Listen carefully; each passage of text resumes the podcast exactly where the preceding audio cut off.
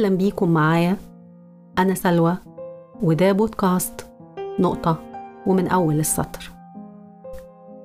حلقة النهاردة بعنوان اتعودنا. بنعرف إن نظرنا ضعف قوي لما بنلبس النضارة وننسى إن إحنا لابسينها ونروح ندور عليها في كل مكان. بنتعود عليها علشان بيها بنشوف أحسن. شعور التعود على الأشياء أو الأشخاص من أخطر الشعور اللي ممكن يتملكنا.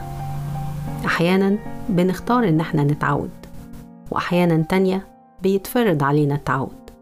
بس الأكيد إن اللي بنتعود عليه بيبقى صعب نبعد عنه حتى لو بيأذينا.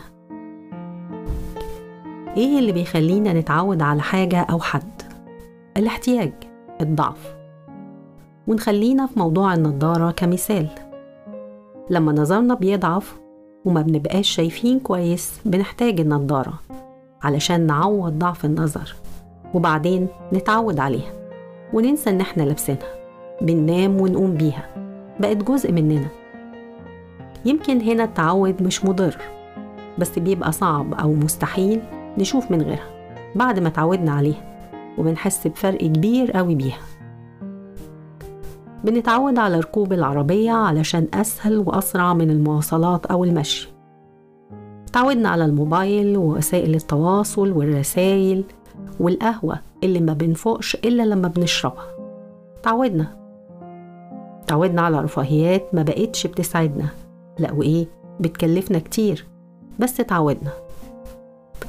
حاجات كتير اتعودنا عليها وأدمناها وبقت جزء مننا.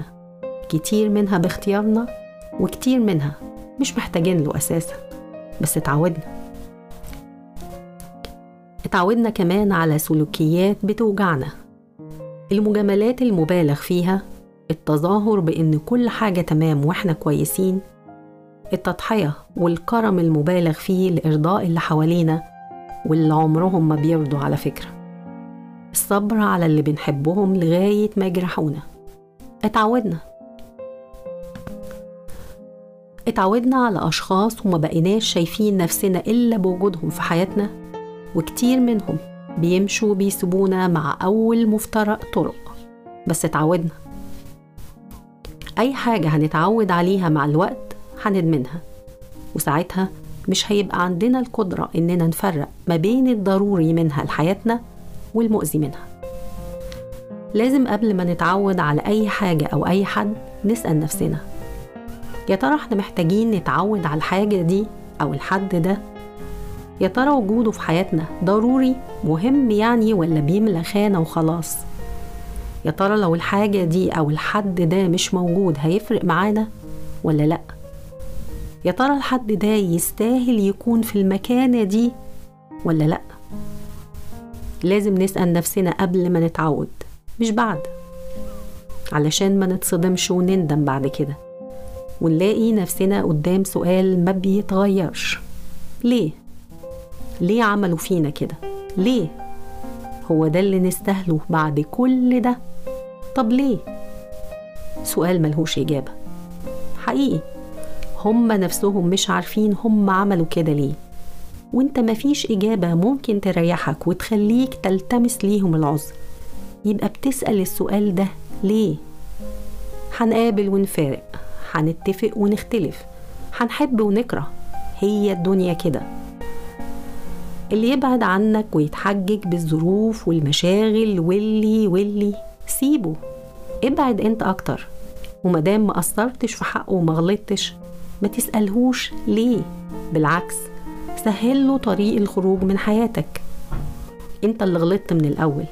لما ما سألتش نفسك قبل ما تتعود عليه وأدمنته وبقت حياتك متعلقة بيه. ما سألتش نفسك يا ترى يستاهل ولا لأ؟ وقبل كل ده لازم تتعلم تبقى قوي.